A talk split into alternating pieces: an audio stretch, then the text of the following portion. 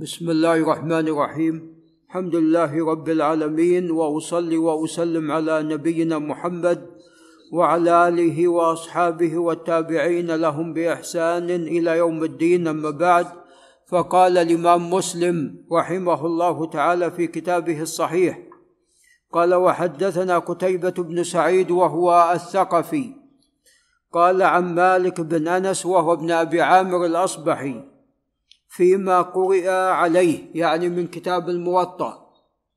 قال عن سمي مولى أبي بكر بن عبد الرحمن. قال عن أبي صالح السمان وهو ذكوان. قال عن أبي هريرة رضي الله عنه. طبعا هذا بالأمس قرأناه ولكن لأهمية هذا الحديث. فنعيد قراءته مرة ثانية. نعم. قال عن ابي هريره رضي الله عنه أن رسول الله صلى الله عليه وسلم قال من اغتسل يوم الجمعة غسل الجنابة. ثم راح يعني في الساعة الأولى فكأنما قرب بدنه ومن راح في الساعة الثانية فكأنما قرب بقرة ومن راح في الساعة الثالثة فكأنما قرب كبشا أقرن وهذا يدل على أن الأضحية بالكبش الأقرن أفضل من الكبش غير الأقرن. قال ومن راح في الساعة الرابعة فكأنما قرب دجاجة ومن راح في الساعة الخامسة فكأنما قرب بيضة فإذا خرج الإمام حضرت الملائكة يستمعون الذكر. طووا الصحف التي بأيديهم ثم دخلوا المسجد يستمعون إلى الذكر. نعم وهذه ساعات خمس تبدأ والله أعلم من طلوع الشمس إلى الزوال فهذا الوقت يقسم على خمسة أقسام. ف القسم الواحد هو الساعة وبالتالي يطول ويقصر. في الصيف تطول الساعة وفي الشتاء تقصر الساعة.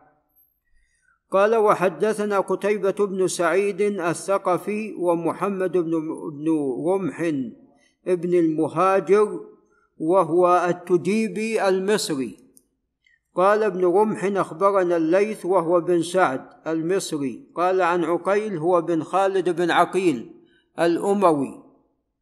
قال عن ابن شهاب الزهري وهو محمد بن مسلم. قال أخبرني سعيد بن المسيب وهو بن حزن القرشي المخزومي أن أبا هريرة رضي الله عنه وهو الزهراني ثم الدوسي. أخبره أن رسول الله صلى الله عليه وسلم قال إذا قلت لصاحبك أنصت يوم الجمعة والإمام يخطب فقد لغوت. فبالتالي لا لا تتكلم والإمام يخطب. إن كان ولا بد تشير ماذا؟ إشارة. الرسول عليه الصلاة والسلام كان إذا سلم عليه وهو في الصلاة رد ماذا؟ إشارة طبعا باليمين. نعم. فأنت تشير إشارة ولا تتكلم. حتى ينتهي الإمام من الخطبة. قال وحدثني عبد الملك بن شعيب بن الليث بن سعد. قال حدثني أبي شعيب بن الليث. قال عن جدي الليث بن سعد. قال حدثني عقيل بن خالد بن عقيل الأموي. قال عن ابن شهاب الزهري. قال عن عمر بن عبد العزيز. وهو الخليفة الراشد. يعني ألحق هو بالخلفاء الأربعة يعني قال سفيان الثوري أن عمر بن عبد العزيز خامس الخلفاء الراشدين. نعم. ولا وذلك أنها يعني حكمه كان على منهاج النبوة. نعم.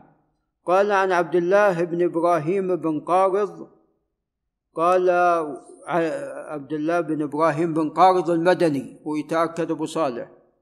قال وعن ابن المسيب يعني سعيد أنهما حدثاه أن أبا هريرة رضي الله عنه قال سمعت رسول الله صلى الله عليه وسلم يقول بمثله قال وحدثنيه محمد بن حاتم بن ميمون البصري قال حدثنا محمد بن بكر البرساني البصري قال أخبرنا بن جريج وهو عبد الملك بن عبد العزيز المكي قال أخبرني بن شهاب الزهري بالإسنادين جميعا في هذا الحديث مثله غير أن ابن جريج قال إبراهيم بن عبد الله بن قارض. نعم. وفي رواية عمر بن عبد العزيز عبد الله بن إبراهيم بن قارض. نعم. قال وحدثنا ابن أبي عمر وهو محمد بن يحيى العدني المكي. قال حدثنا سفيان وهو بن عيينة بن أبي عمران الهلالي. قال عن ابي الزناد وهو عبد الله بن ذكوان القرشي مولاهم. قال عن الأعرج وهو عبد الرحمن بن هرمز أبو داود الأعرج المدني. قال عن أبي هريرة رضي الله تعالى عنه عن النبي صلى الله عليه وسلم. قال إذا قلت لصاحبك أنصت هذا يوم الجمعة والإمام على المنبر. أنصت والإمام يخطب فقد لغيت. هذه لغة أبي هريرة. قال أبو الزناد هي لغة أبي هريرة وإنما هو فقد لغوت. قال وحدثنا يحيى بن يحيى التميمي. قال قرأت على مالك هو بن أنس. حاء وحدثناه قتيبة بن سعيد الثقفي. قال عن مالك بن أنس قال عن أبي الزناد عبد الله بن ذكوان قال عن الأعرج عبد الرحمن قال عن أبي هريرة رضي الله عنه أن الرسول صلى الله عليه وسلم ذكر يوم الجمعة فقال فيه ساعة لا يوافقها عبد مسلم وهو يصلي يسأل الله شيئا إلا أعطاه إياه. زاد قتيبة في روايته وأشار بيده يقللها. يعني هي ساعة قصيرة في هذا اليوم العظيم. من سأل الله عز وجل فيها شيئا أعطاه الله جل وعلا سؤاله وحقق له مراده. نعم. وقد اختلف في هذه الساعة الأربعين قولا. وأقواها قولان. القول الأول عندما يصعد الإمام على المنبر إلى انقضاء الصلاة. والقول الثاني آخر ساعة من يوم الجمعة. وإذا أمكن أنك تدعو بهذين الوقتين فبها ونعمت. وأنا أميل إلى أنها إذا صعد الإمام على المنبر إلى انتهاء الخطبة وأظن ذكرت يعني بعض الأدلة على ذلك فيما سبق. قال حدثنا زهير بن حرب البغدادي قال حدثنا إسماعيل بن إبراهيم بن مقسم الأسدي الحافظ قال حدثنا أيوب بن أبي تميم كيسان السختياني البصري قال عن محمد هو بن سيرين الأنصاري البصري قال عن أبي هريرة رضي الله تعالى عنه وهو طبعا المدني عندما هاجر من أرض بلاده دوس وأقام في المدينة وله الآن ذرية في سيناء وما حولها.